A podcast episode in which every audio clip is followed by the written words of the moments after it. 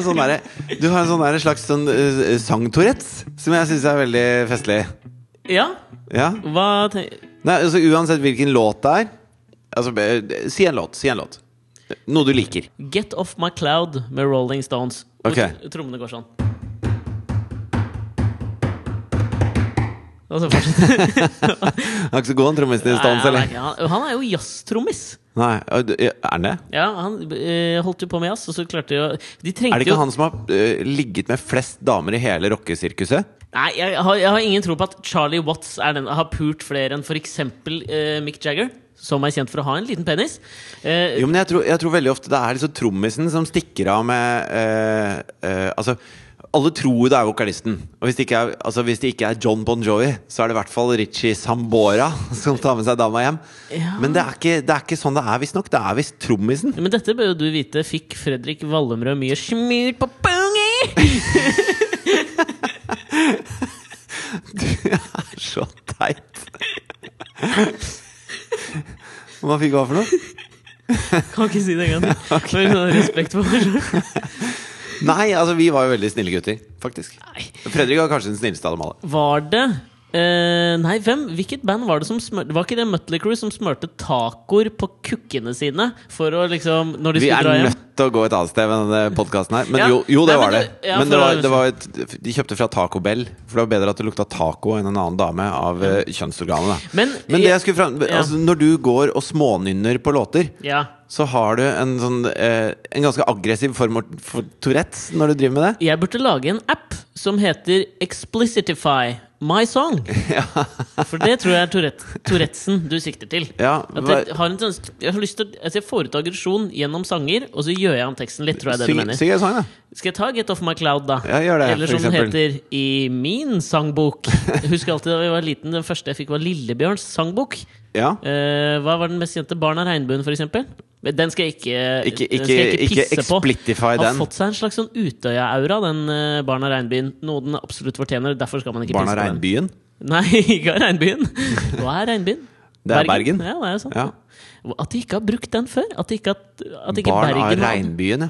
burde hatt den. Litt Ja. som jeg ikke skjønner hvorfor ikke Hertz bilutleie, altså firmaet Hertz, har brukt Everybody Hertz-låta til R.E.M. i en reklame.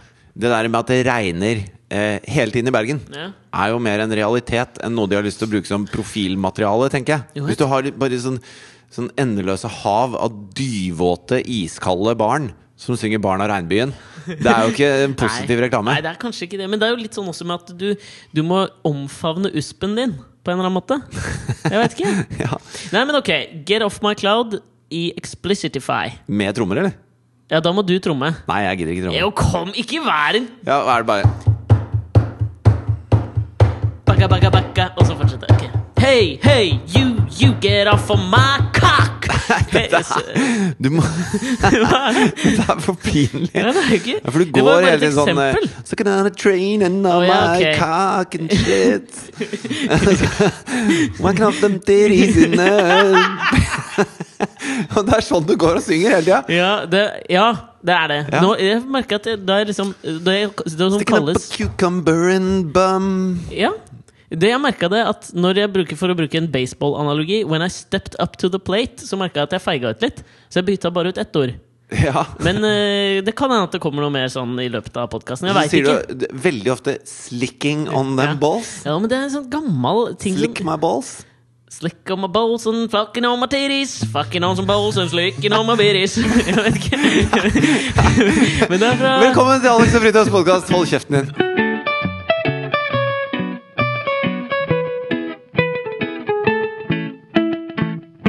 Jeg gikk ned, nedover uh, gata i dag da jeg var på vei til kontoret. Nå skal du høre hva som skjedde. Nei, men så- og så, gikk jeg forbi en dame, uh, og, og så uh, Jeg ble litt uh, mindblown på en eller annen, på en eller annen måte. Okay. Og må du, altså, her må man forstå meg rett når jeg sier dette her. Fordi man er tjukk i huet hvis man ikke kaller seg en feminist i 2014. Men vi, vi må fortsatt få lov å kunne snakke om stygge damer, liksom. Du er, ikke redd for å bli tatt for en maskulinist? Nei, for det er jeg ikke. Altså, man, eh, altså vi er alle Feminist feminister. er jo veldig fint ord. Uh, altså, feminisme er, er jo et begrep. Det motsatte av feminisme er jo mannsgris. Ja. Vi har ikke noe fint ord for å promotere mannen. Nei, maskulinist. Ja, men det er, Har du Men hørt like ordet maskulinist før Ja, jeg sa det nå? Ja, jeg har hørt det en gang, men det kan være det? at du har sagt det før. okay. Men det høres ikke like flott ut. Altså rent sånn Altså, lyden av ordet er ikke like fint som feminist. Altså, det er noe Det, det klinger, det er liksom Ja, klokkene er liksom enten sånn så er man feminist, eller så er man mannsgris. Ja, jeg vet det. Det er ikke enten er du maskulinist, eller så er du en, en, en kvinnesugge. Sugge! Ja, det er en. Binde! Er ikke sugge en Det er en hunngris? hunngris, ja. Ja. Mens en hanngris er en Et altfor lite råne. Er det det? Jeg tror det. Råne. Rå, er, det er det der råning kommer fra? Altså, Selvfølgelig er det der råning kommer fra. Ikke så mye er dette en underholdningstime som det er en lecture, for å parafrasere Ricky Gervais. Ok, men du så en, Nei, jeg en går nedover gata. Ja. Og så, uh, gå, uh, rett utafor det der treningsstudio du og jeg sporadisk er innom Mer sporadisk for meg enn for deg, kanskje? Fitness 24-7. Ja. det er ganske shady gym, ass. Jo, men ja, faen, du trenger jo bare noe tungt å dra i og dytte på, og så, så gjør det jobben. Rett utenfor der så kommer det liksom Jeg ser at hun har tydeligvis vært på trening. Eller hun har i hvert fall på seg treningstøy. Og det jeg må kunne si Altså Ikke det at jeg kategoriserer mennesker ut fra hvordan de ser ut, men man må da for faen meg kunne være såpass ærlig at noen mennesker estetisk sett er en større nytelse for øyet enn andre. Kommer an på preferanser. Det gjør det, og liksom kulturen har innprenta i meg at sånn og sånn er pent. Og det er jeg fullstendig klar over. Og derfor syns jeg at denne dama jeg gikk forbi, var mindre pen. Men det er jo ikke alle som tilskriver seg de samme preferansene. Altså Erik Solheim, for eksempel, er jo, han, han er jo sånn feeder. Ja, Han han elsker han enorme, feite damer. Han hadde likt hun her. Og jeg sier ikke at det liksom Og så hun var ikke upen, hun var bare tykk. Nei, nei! Hun var liksom Hun var lubben, men trekkene i trynet, liksom, var ikke fine. Ut ifra mine preferanser. Ok. Og så mener jeg å kunne dra det dit hen at det Jeg får en sånn døll smak i munnen når du snakker om Nei, dette. jeg vet det, jeg òg. Men allikevel, altså, alle har tenkt det der. Og ikke, altså, det må man kunne tørre å si. Men tror du grunnen til at du kan si det, og, og jeg også kan si det, er at altså hvis At vi vi hadde er vært sånn digge, liksom. Nei, nei. Men hvis vi hadde vært sånn derre eh, Hvem er det som er sånn ordentlig pene menn i Norge i, Norge, dag? Ordentlig, ordentlig pene menn. Hvis vi hadde vært sånn mis Jon Almås vil jeg si han er pen. Ok. Jeg Syns du ikke det? Pene trekk, jo, men han høye men kinnben. jeg tror grunnen til at han regnes som pen, har også noe med hva han gjør å gjøre. Han er ikke bare Hvis du hadde bare sett det, Hvis du ikke hadde ant hvem Jon Almaas var, bilde av Jon Almaas, hadde du tenkt bare Åh, for en vakker mann! Der, der skal jeg gi deg en liten Du vet, det anekdote. det er en sånn eh, Head and Shoulders-reklame. Ja? Hvor det er en dame som står og skal vaske håret, og så får hun det liksom ikke helt til. Og så kommer liksom regissøren. Nei, nei, det er jo det, Du er så dårlig. Hva er det? Jeg har misforstått det, han da. Har du, kjenner du ikke, har du ikke kjent igjen de to i den reklamen? Nei. Hun som står Nå får jeg sånn flashbacks til at du så mot i brøstet, og så var det en parodi. Åh, er Altså Hun som står der først og ikke klarer det. Ja. Kødder du, eller? Nei!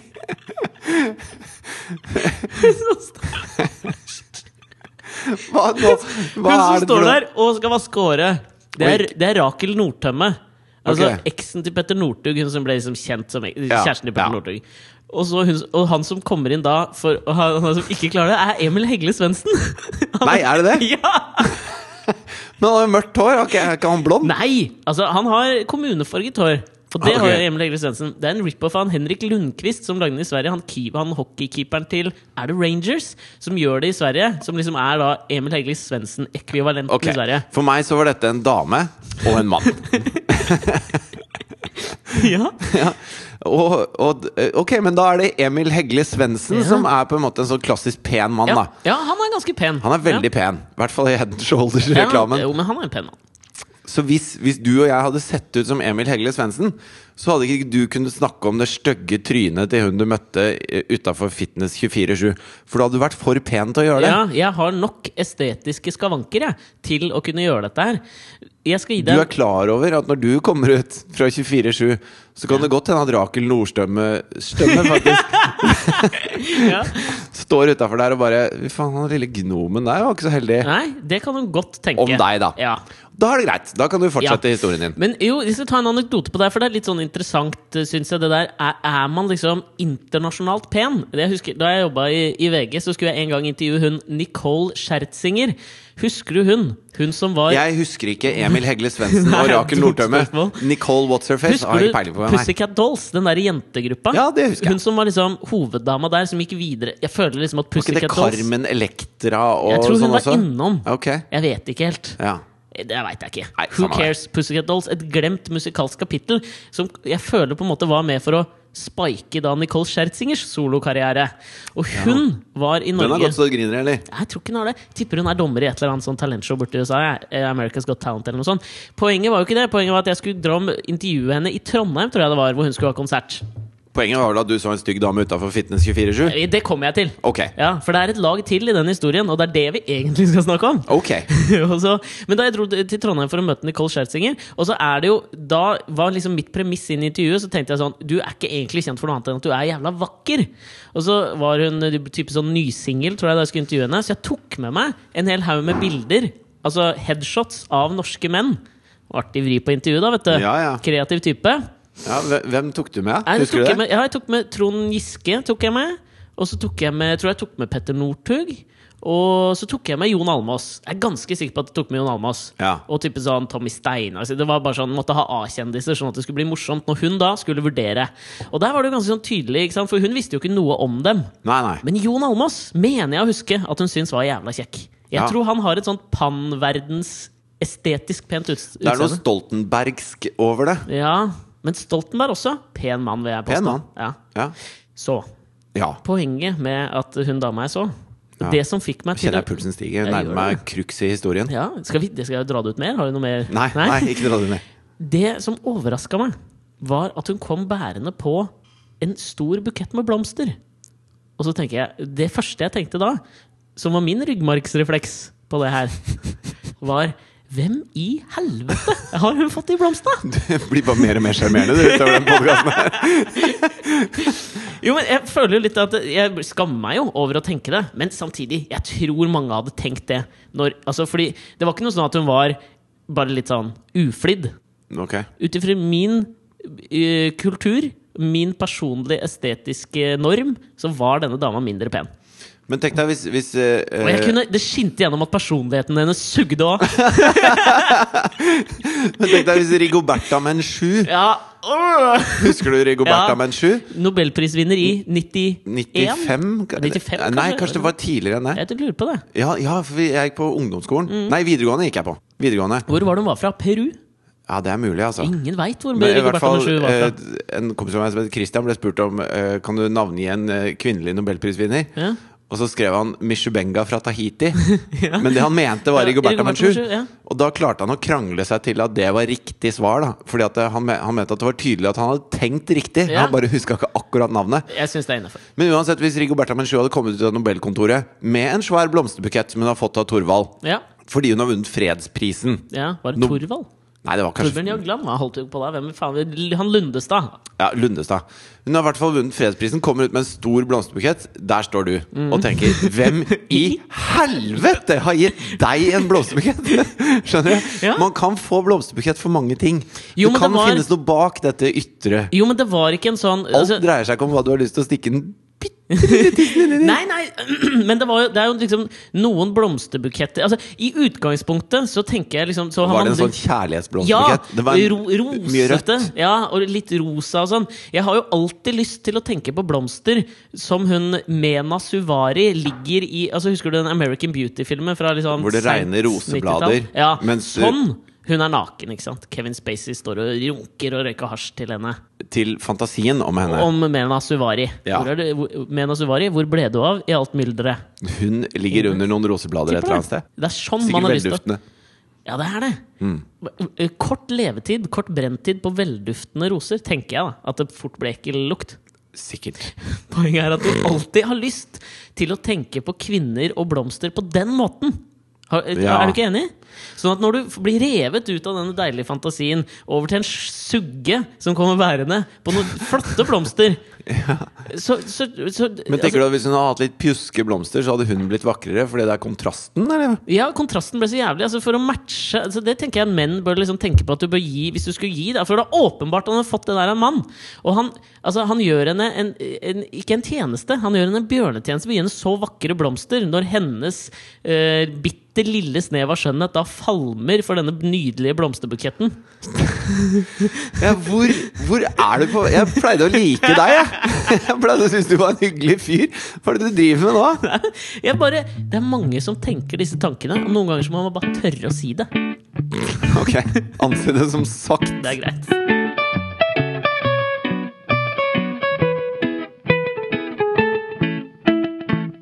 Stephen Hawking er stygg, ass. Det må man kunne si. Det må man, altså Han er kjempesmart, men han er faen meg stygg. Er han så smart? Ikke meg da faen. jeg. Er det oppskrytt? Nei, jeg tror ikke det. Tror du hvis han hadde sett ut som Emil Hegle Svendsen, Jeg hadde stolt mindre på han. Umiddelbart. at du hadde liksom respektert hans, eh, hans intellekt mye på samme mindre. måte? Du Nei, hadde mye det? mindre.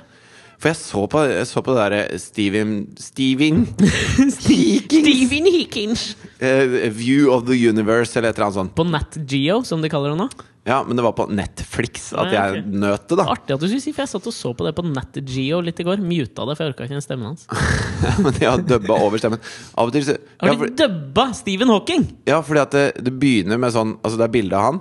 Og så har du den stemmen som snakker sånn, og så blir den mer og mer sånn. Og så er det, når, da de vanlige bildene overtar, så er det en sånn stemme. Og hver gang det kommer tilbake til han, så går det dit, og så blir det mer og mer sånn. Så det er ganske sånn kløktig gjort, da, på okay. et vis. Men hadde det ikke vært morsomt om de dubba Stephen Hawking til en, som en sånn kreftpasient? Siri? Ja, eller Siri. Ja. Ja. Men hun snakker jo engelsk, gjør hun ikke det? Eller snakker Jo, Siri det norsk? gjør Stephen jo, Hawking jo, men også. hvis du skal dubbe den, så måtte det jo vært til norsk. Og sånn, ja. Stephen Hawking burde jo begynne Lett å å dubbe dubbe, ass. Ja, men også burde du jo hatt liksom en sånn som har sånn derre som du stikker inn i. Han har strupekreft. Ja. Ja, jeg skal dømme Stephen Hawking. Hadde jo vært mye morsommere enn at han får en vanlig stemme. Ja, sånn, ja. Mm. Jeg tror de, I et forsøk på å gjøre han mer menneskelig, Ja, så hadde de da gitt han en stemme som fungerte, da. ja. Jeg, Men- går det men- ikke et rykte om Stephen Hawking? Men- han er en jævla, kåtbass?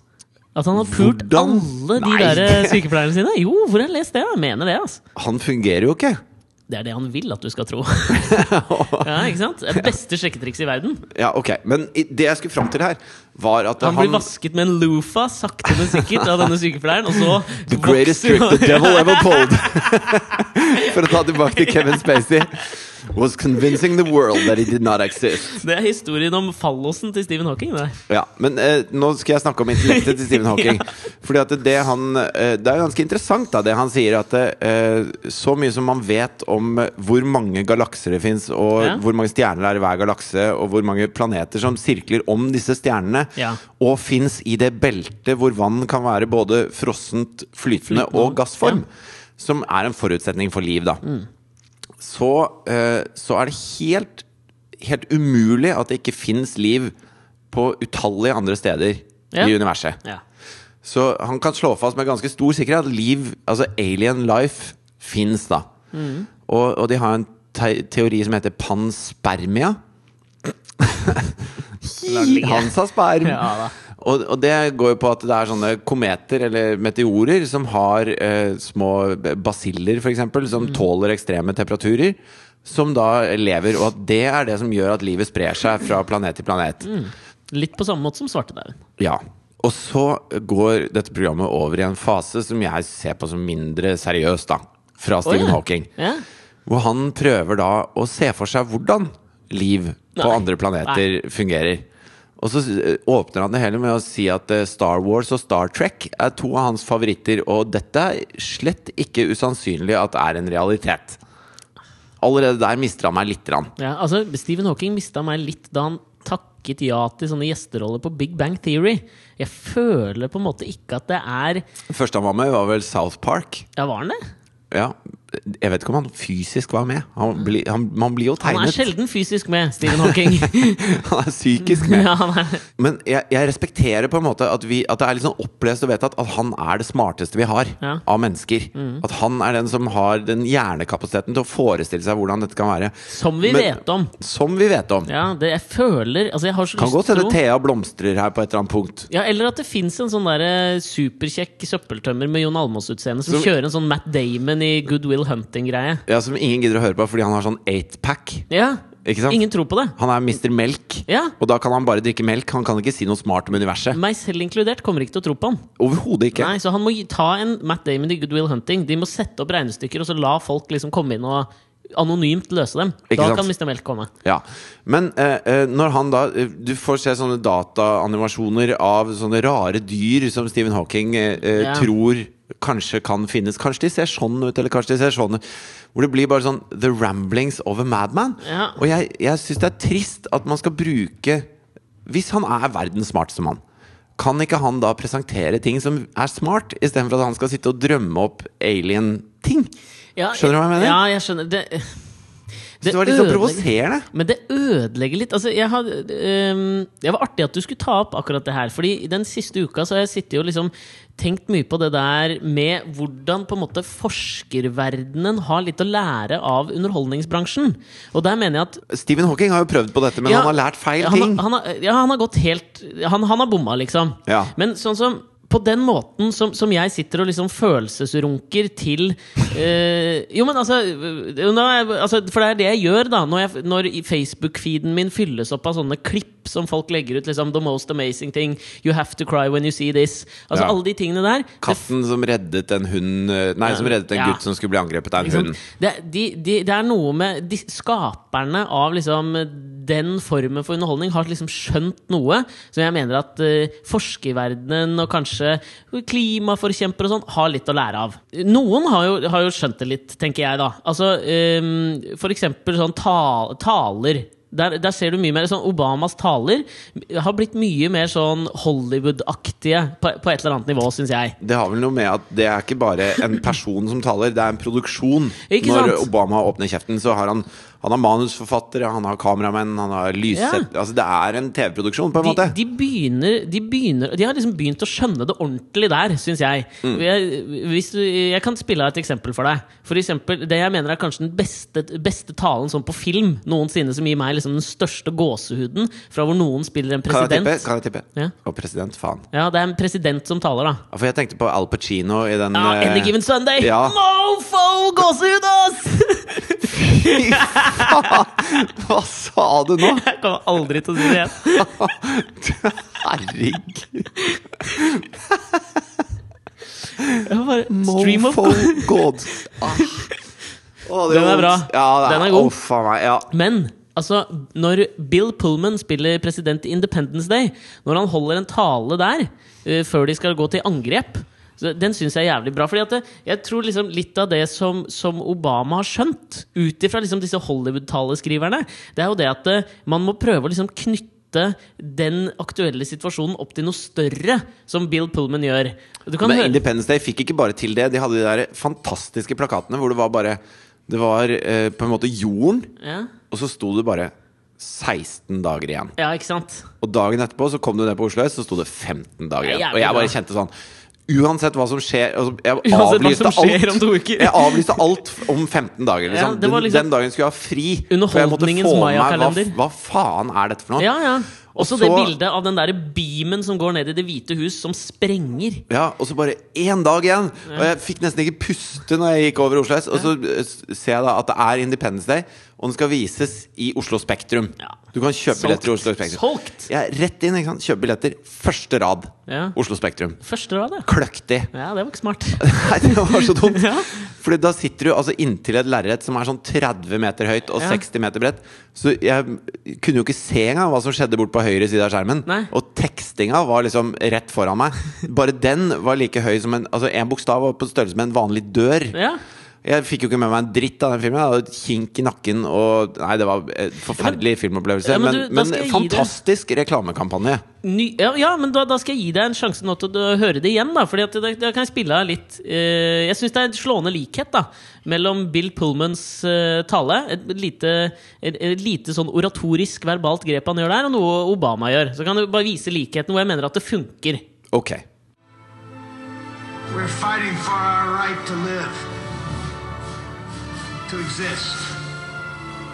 And should we win the day, the 4th of July will no longer be known as an American holiday, but as the day when the world declared in one voice, we will not go quietly into the night. We will not vanish without a fight. We're going to live on. We're going to survive. Today, we celebrate our Independence Day. Mofo gåsehud der, eller? Ikke sant? Han knytter de få menneskene sin opplevelse inn til noe større, til verden sin Independence Day. Ja. På en måte, altså Ja. Alle skal dele dette her. Dette er ikke lenger bare USAs Independence Day. Nei, det er alles. Det er alles. Og så kan du høre da Obamas sin sånn Yes We Can-tale fra 2010. Et lite utdrag av den, da. To those, who would tear the world down, we will defeat you. To those who seek peace and security, we support you. And to all those who have wondered if America's beacon still burns as bright, tonight we proved once more that the true strength of our nation comes not from the might of our arms or the scale of our wealth, but from the enduring power of our ideals democracy, liberty, opportunity, and unyielding hope. Men du hører eh, altså hvilke grep de bruker som er helt likt.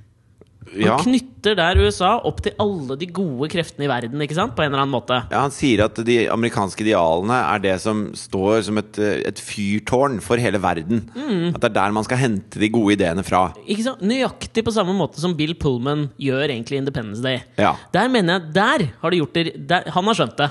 Ja. Men så mener jeg at det, for eksempel Men det kommer jo an på hvem som er mottakeren også. Altså Når jeg hører Obama eh, på en eller annen måte påberope seg eh, alt det gode i verden. Ja. Alt det gode i verden stammer fra disse fantastiske amerikanske idealene. Mm. Og alle de som er onde, de skal han eh, vanquish. Altså Ja. det, det ligger en del sånn derre Du må være temmelig amerikaner for å synes det der er grisefett, liksom. Jo, men du, men du kjenner også at du får en instinktiv gåsehudfølelse bare av på en måte Altså det, storheten i det. Gjør ikke du? Ja, For jeg får liksom Jo, skikkelig gåsehud av den det talen til Obama. det at det er så uh, Altså at han, han snakker på en måte på vegne av verden. Ja, Altså Det at de kaller presidenten sin for the leader of the free world, ikke sant? er jo ganske uh, Det er ballsy. Det er ballsy. Ja. Men Det er hollywoodsk. Ja, og det er ikke nødvendigvis noe dårlig, tenker jeg. Emil Heggeli Svendsensk. Nå har jeg lært meg navnet hans. Fordi jeg har tenkt litt på dette her. At eh, i forlengelsen av det, da Så når jeg sitter på nettet og kaver på en måte, For det er jo det man ofte gjør. Du kaver bare. Ja. Ikke sant? Fordi det, det, altså, det er derfor du trykker på at han kiden blir redda av den katten. Fordi at du blir Det er det dratt det burde inn i hete. det. Å scrolle burde hete å kave. det er, ja, jeg syns det. Ja. Eh, ikke en reklame for han. Vil du ha naturlig kaving, eller sånn Men, men øh, fordi det tar mer for meg, merker jeg. Altså, det skal mer til for at jeg liksom klikker på for eksempel en sånn seriøs greie om at Bill Nye står og forsvarer sitt synspunkt mot noen fucka klimaskeptikere, eksempel, ikke sant? Det er sånne ting jeg klikker på, da.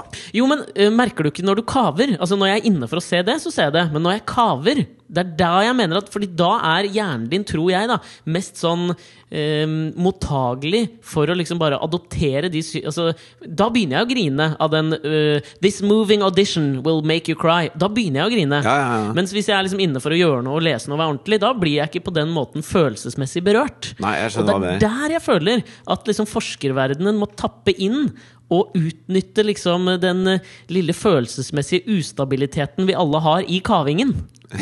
okay. Jeg har noen forslag. Men hvordan skal de gjøre det? Ja, det har jeg en løsning på, skjønner du. Ok, greit. Jeg har noen eksempler eh, til deg som jeg tenkte Nå har jeg, liksom, jeg har vært inne på nettet, og så har jeg sett liksom hvilke ting er det jeg klikker på i kavinga? Hva er det som får meg inn? Det, det jeg føler er liksom eh, feil, da. Med, med det med at man kaller folk for forskere. Ja. Og at det, disse er smarte, de er skolerte, de har, de har en kapasitet som ikke vi vanlige dødelige har, da, på en måte. Ja. Og forskning ser jeg på som en sånn eh, Rubiks kube som jeg aldri kommer til å klare å løse. Og så er det noen som står og løser den med én hånd på 20 sekunder. Ja. Eh, Sånn at det er, det er noe jeg ikke kan trenge inn i. Og så blir du litt irritert på dem. Men når du åpner den derre Pandoras eske med hva forskning egentlig er, da, så er det eh, Så bruker de kreativitet og fantasi til å finne på ting. Sånn som Stephen Hawking når han sitter og snakker om Ja, der kan det jo være sånn, og så kanskje kanskje sånn, da, eller? Ja, ja. Og så prøver de, og så driver de og regner og tester og ser om det er mulig at det kan være sånn. Og det er liksom forskning. Det er, det er en slags sånn eh, barneskolekreativitet og glede hos de beste forskerne. Ja, ja. Som vi andre da plutselig, når vi får servert det, så blir det useriøst, da.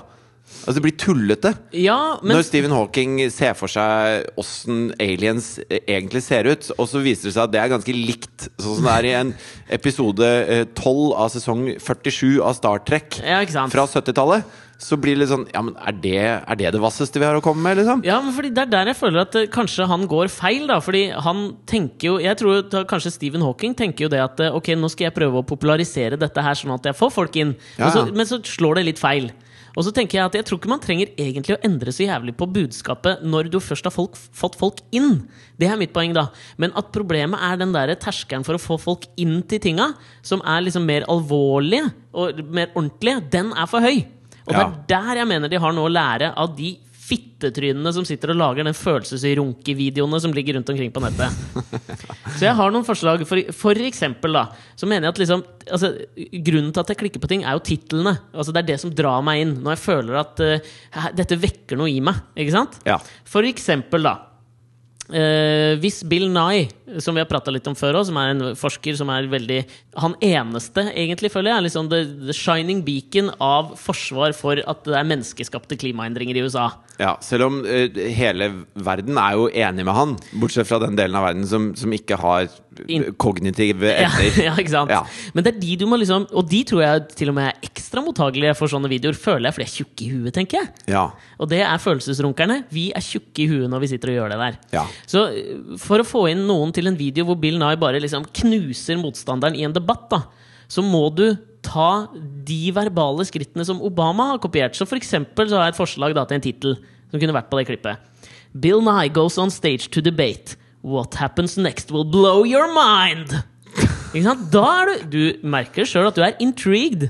Ja, men, men det er for cut and paste fra uh, This cat will save this boy's life. What happens next will blow your mind. Ja, ok, La meg prøve et par til. det, det er en ren rip-off. Ja, men det er, det er det jeg har basert alt på her. Ok, mer For rip-off. eksempel, da. Eh, En eller annen forsker eh, eller en eller annen menneskerettighetsaktivist eh, har lyst til å få et budskap om Unicef, da, for å ta et eksempel, til massene. Det er bare å skrive feil. Unisex. Og så Ja, det klikker alle på det. idé enn min, da. This old man faked a heart attack. You won't believe why!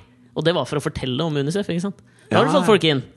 Eller Kurt Oddekalv reiser til Grønland for å se isen smelte og blir veldig rørt av det, for eksempel. Han får en dårlig følelse. ja. Publikum brister i tårer av Kurt Oddekalvs historie. Gråter du? Du må inn og sjekke. Eller eh, for eksempel Al Gore, også Ja, Men er det sånn du vil at verden skal bli? det det er ikke sånn jeg vil at den skal bli, for den er sånn allerede. Så da må man på en måte Det er en slags evolusjon. Vi må tilpasse oss. Ja, hvis, hvis, no, I cried for hours after I watched Al Gore's amazing meeting with this penguin. Will you cry?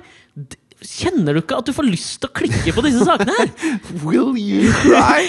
Du må, du må liksom prøve å knytte den personen som ser på, opp til en eller annen sånn større ting. Ok, prøv en til, da. En til. Jeg har ikke flere! Jeg skulle bare sjekke om jeg fikk Mofo gåsehud! da!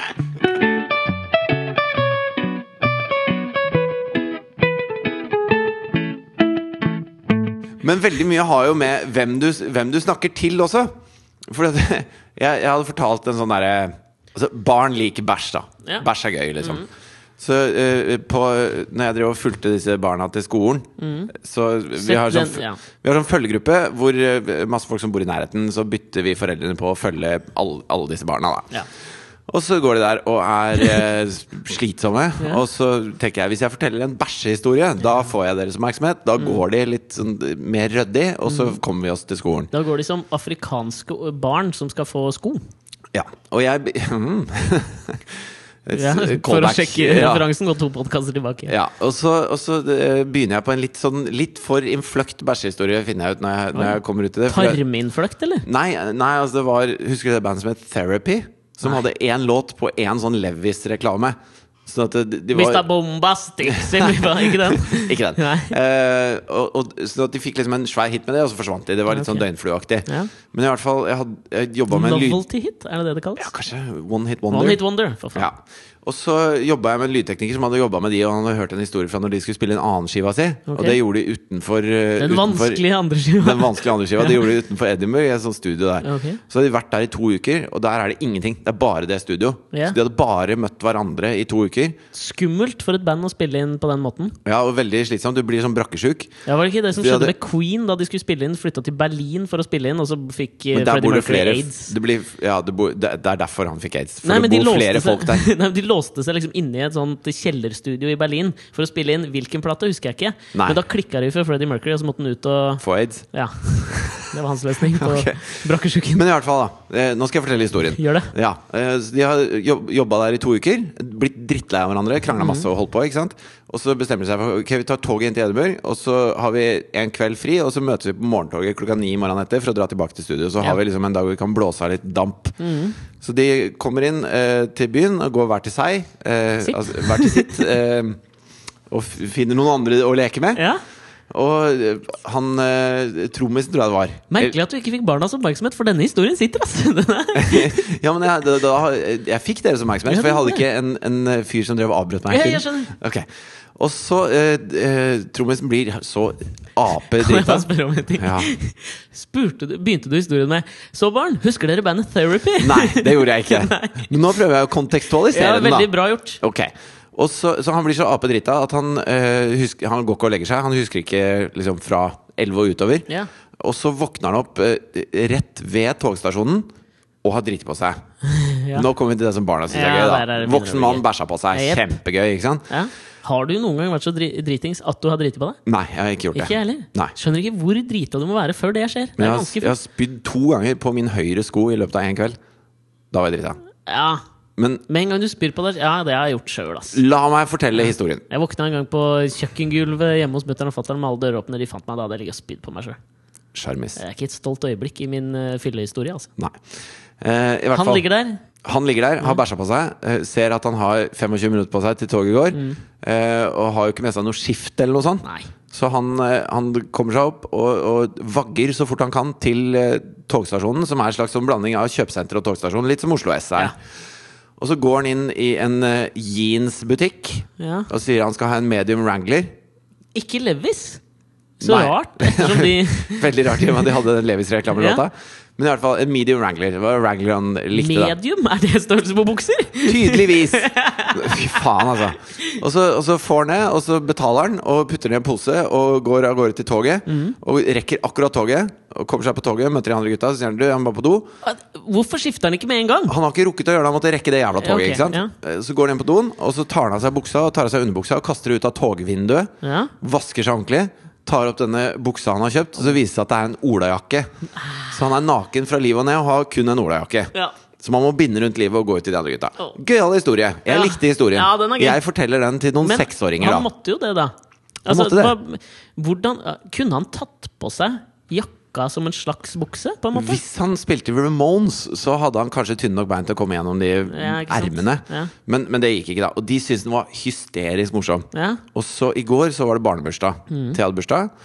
Og så sier hun eh, da, Og da er det også et par andre foreldre der. Ja. Og så sier hun Nå skal jeg fortelle en historie Nei. som Fridtjof har fortalt meg! Okay, ja.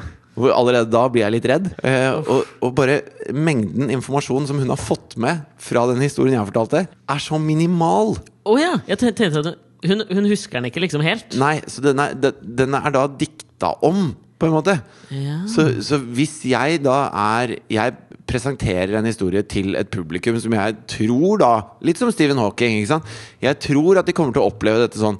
Og så finner jeg plutselig ut at jeg, jeg er ikke in touch i det hele tatt med mottakeren av dette her. Ja. Hvis du hadde spilt av Obama sin tale eh, i Teheran, hadde ikke den blitt mottatt likt som i Washington DC? på en måte Nei. For det er en helt annen gjeng som står og tar imot den. De har noen andre referanserammer. Mhm. Det har også Thea, da. Så for det første så er det da en eh, Altså dette med therapy og gitarist er bare bytta ut med mann.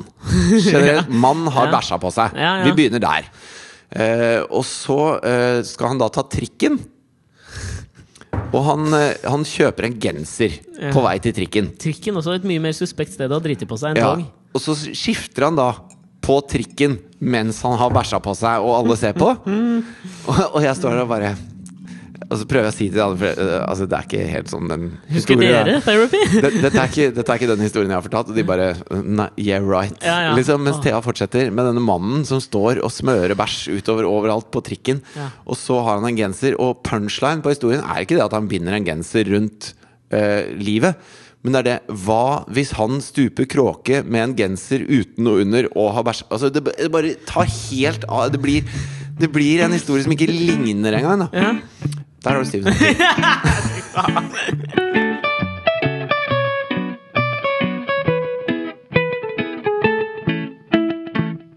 Når du sier sånn Man må passe på hvem mottakerne er. Eh, Når man f.eks. skal holde en tale eller gjøre noe, fortelle en historie eller hva Ja. som helst, da. Så uh, la jeg liksom ekstra merke til det, syns jeg så, uh, så på Gullruten på TV2 på fredag. Ja. Så du på, eller?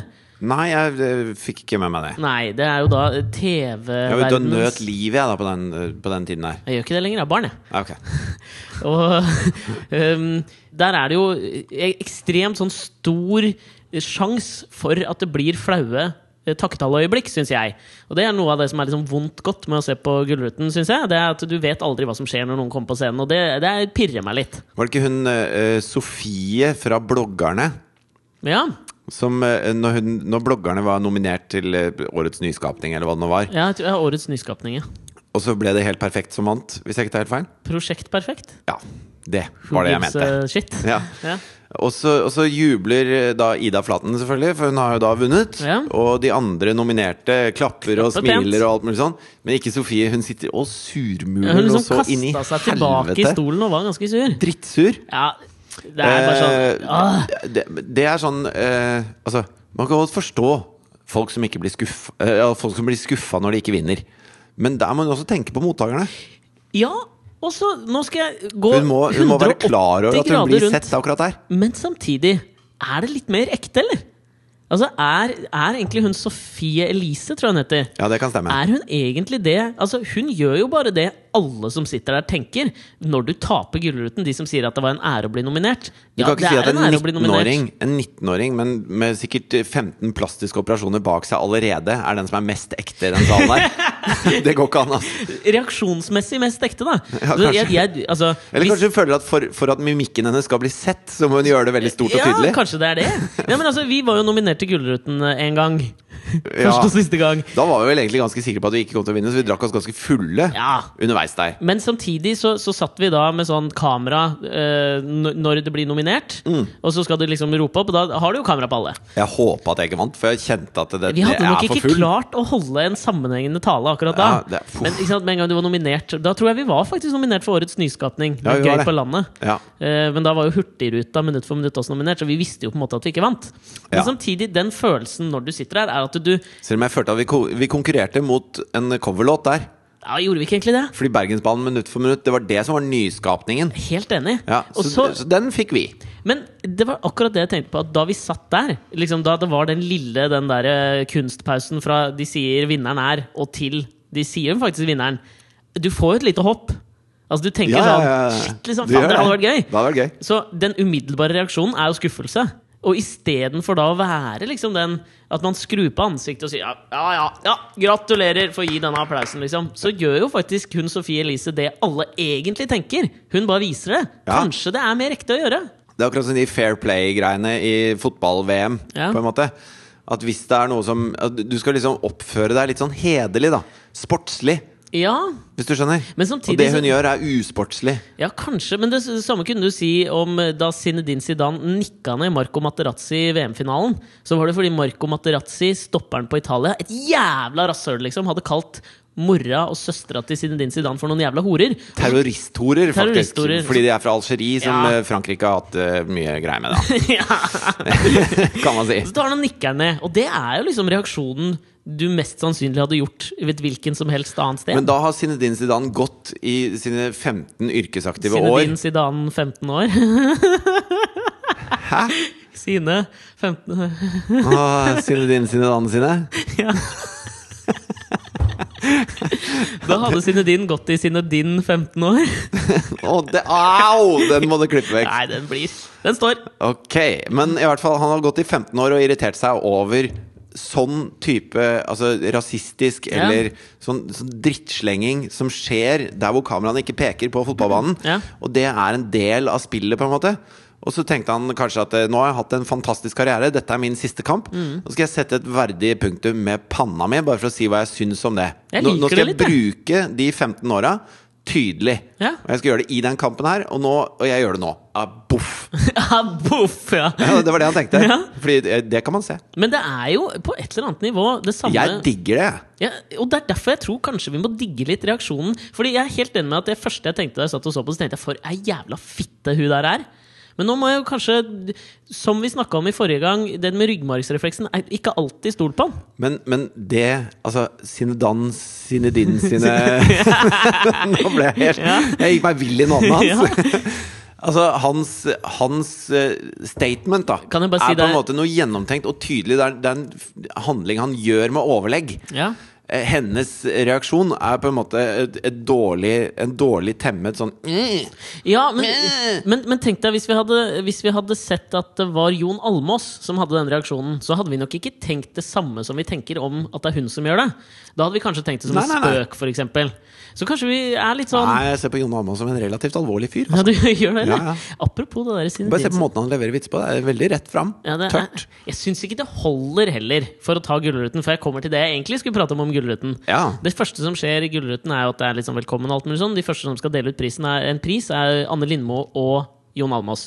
Hvor han liksom kommer ut, og så er det den generiske vitsen programledere bruker i uh, utdelings- og sånne awardshows, er jo at Og med det så mener du go to-vitsen? go to-vitsene, Ja. det er jo det at uh, manusforfatterne mine har ferie nå. Derfor har ikke jeg noe å si.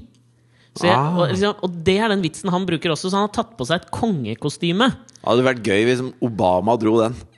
Ja, men Det hadde ikke vært venta, liksom. Nei. Men for Jon Almaasson så er den liksom venta, for jeg føler at den kommer liksom hvert år. Du kan stille klokka på at den vitsen kommer på én av prisutdelerne som er kjent for å levere vitser på TV, på Gullruten. Ja. Og da er liksom uh, hans ekstraelement er at han har på seg kongedrakt, som jeg også føler er liksom forslitt. Ja, for jeg er jo kongen av fredags-TV, og manusforfatterne mine har tatt ferie, så derfor må jeg bare gjøre dette. Et, det holder ikke. Nei, da burde han fortsette å betale manusforfatterne sine veldig bra, hvis det er det han har å stille opp med med Ja, de er på ferie. Og det er jo de som har skrevet det òg. Det er derfor jeg ikke liksom sånn det, Alle skjønner det nå. Ja, Men slutt med det. Okay. Det jeg tenkte på da jeg satt og så på Gullruten, da var det et øyeblikk som, som fikk meg til å liksom hoppe litt i sofaen. Som er overførbart til det Stephen Hawking gjør feil med mottakerne. Stephen Hawking har aldri hoppa i sofaen. Han har ikke det. Eller jo, han han har ikke alltid vært sånn. Det har vært en slags gradvis prosess. Sant? Ja, det har kanskje det. Jeg Jeg har vet ikke. aldri sett Stephen Hawking. Det er liksom som når du ser han der Christopher Reeves som spilte Supermann da han gikk. Det, jeg tror ikke på at det fins lenger. Nei. Eh, Det, var, det skulle deles ut da prisen for beste reality-konkurranse. Og så var det masse nominerte. Den som vant, var jo 'Mesternes mester'. Ja. Og jeg tror ikke de har vunnet før, for det var en viss eh, form for sånn lettelse og sånn endelig-følelse så du blant de som da skulle gå opp og ta imot prisen. Og det jeg føler er kanskje Dette er min tanke, da, at den minst viktige personen i den prosessen er programleder Dag Erik Pedersen. ja, det kan nok stemme. Gammel syklist, NRK Han er jo blitt sånn journalist òg. Og jeg tenker meg, etter å ha hørt hans takketale, at han er a bit of an ass. Vet du hva, Jeg har vært på et inspirasjonsseminar med han. I Konserthuset. Det er det jeg mener. Det var dritfett. Nei! Jo, det var helt konge. Nei! Jo, Han var hva? bra, liksom? Hvis du snakker om sånn uh, mofo gåsehud Ja. Det fikk jeg faen meg når han fortalte. Nei, hvorfor det? Nå skal jeg, nå skal jeg eh, lage en kortversjon av hans Bygg det opp. enormt inspirerende Ja, Bygg det opp, og så kan jeg rive ned hele bildet av Dag Erik Pedersen etterpå. Ja, fordi at han, han var jo en ung, lovende syklist fra Sørlandet, kan jeg stemme? Helt sikkert Ja. wanka. Og, og så ble han kjøpt av et av de største lagene i Italia, hvor sykkel er ganske Det er, svært. det er svært, liksom. Så det å komme på det laget i det hele tatt er helt enormt da når du er 18-19 år. Og så uh, reiser han dit, og det første som skjer, er at han blir satt inn i en svær hall med liksom alle syklistene og alle uh, de tekniske, de som har med sykkelen å gjøre og sånn. Og så er det liksom sjefen for laget som sier at uh, på dette laget så er alle er like mye verdt. Uansett. Bullshit. Nei, men de, de gjør Altså, det er ikke noe sånn at syklistene får suiter, og jo bedre du er, jo sånn bedre suite får du.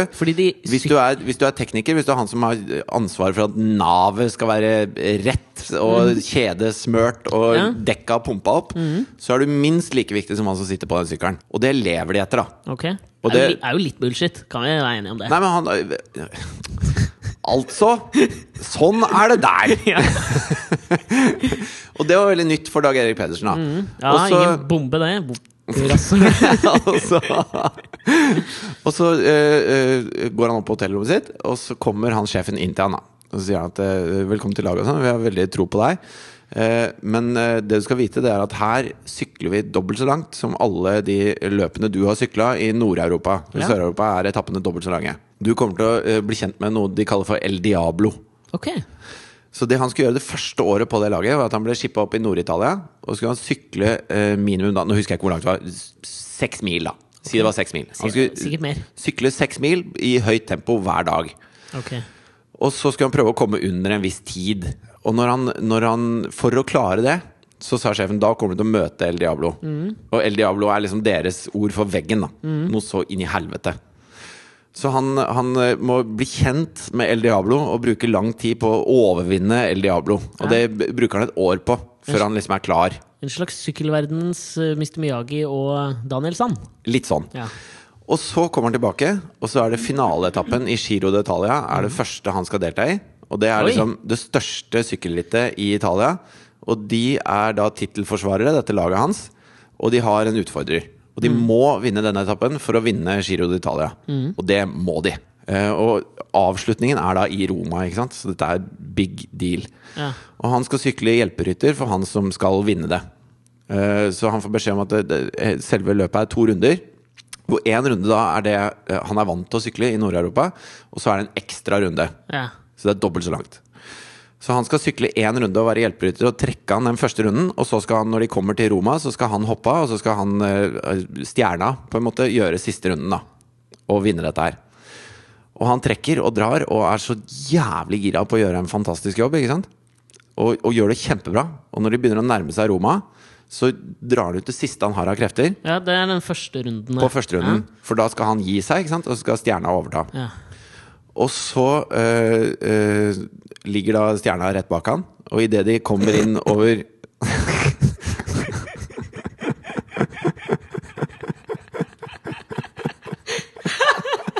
Dust.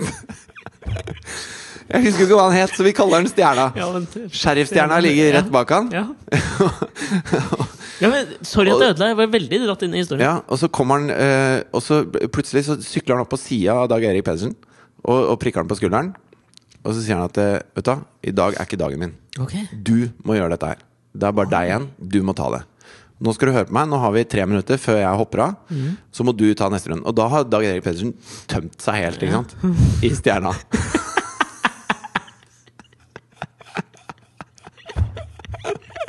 Og stjerna er ferdig. Han må bare gi seg. Sorry, det er jo ikke noe gøy!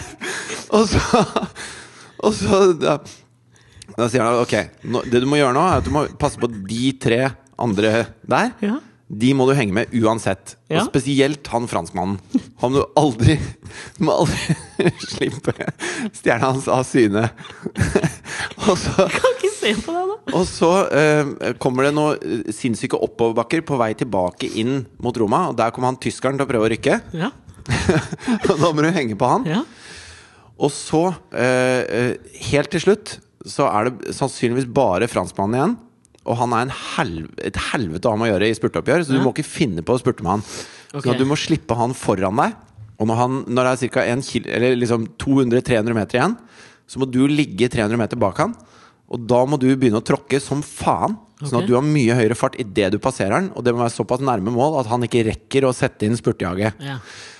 Og dette blir han fortalt mens han er helt utslitt og skal sykle dobbelt så langt. ja.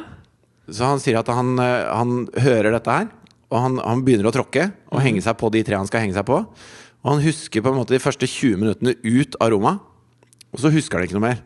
Ja. Han har bare sånne bruddstykker, så han husker den siste oppoverbakken inn mot Roma. At han, at han da eh, han, han trodde han var tom for lenge siden. Ja. El Diablo ligger igjen for en time siden. Han er banka opp og ligger igjen i grøfta borti der. Så klarer han å henge på i den oppoverbakken. Og så ser han at den franskmannen drar fra. Og så tenker han nå må jeg klare å gjøre dette her. Så, og han, han, klarer nesten ikke å, han klarer nesten ikke å tenke en selvstendig tanke lenger. Han er så kjørt. Det er ingenting igjen i beina hans. Og det siste han husker, er at han, han prøver å se på skyggen sin når skyggen er utenfor sidesynet til han franskmannen. For det er det han skal bruke som cue til å begynne å tråkke Ja. maks. Liksom. Det er der han er hypp på å ligge. da Så husker han ikke noe mer. Og eh, han forteller dette her på en stor scene, og det er fullsatt sal. Det er helt sånn Det er musestille i salen. Og det han gjør da, istedenfor å fortelle slutten på historien, er at han setter på TV-bildene. Mofo goosebumps! Ja. Han setter på TV-bildene fra italiensk TV, og du ser da han franskmannen ligge med god luke, og så ser du at eh, Dag Erik Pedersen girer opp til det tyngste giret på sykkelen, og reiser seg opp og begynner å tråkke. Og får en jævla fart. Og når det er ca. 200 meter igjen, så passerer han han franskmannen, og så går det tomt. Han klarer ikke å tråkke mer. Og da har han så mye fart, da, så du ser han franskmannen girer ned og begynner å stå og tråkke, og så ser du Dag Erik Pedersen eh, sjangler, Ja. og uten å tråkke, bare triller, og glipper det ene styret, og triller over målstreken én meter foran han franskmannen, og besvimer, og, bes og det tar tre kvarter å vekke han, liksom.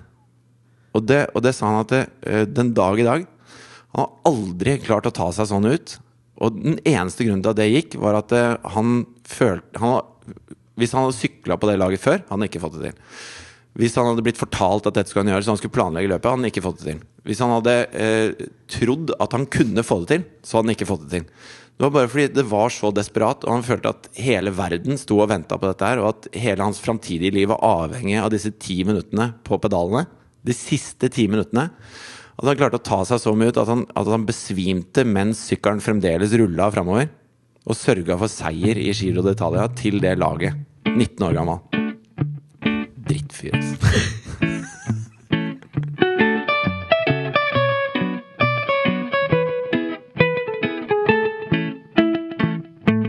Det er jo noen fibre i kroppen min som strider litt imot å rive ned dette flotte bildet av Dag Erik Pedersen nå.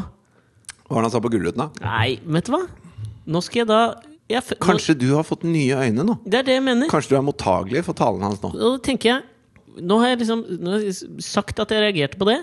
Tenkte jeg skulle finne fram og spille det og virkelig liksom si hva jeg mente om akkurat det der. Men det skal jeg ikke gjøre det nå. Nei. Nå vi, skal jeg være talspersonen, uh, uh, the embodiment av tilgivelse, ettersom han har tråkka seg dit han er i dag på den måten. Nå skal jeg gi, skal jeg gi Dag Erik Pedersen den.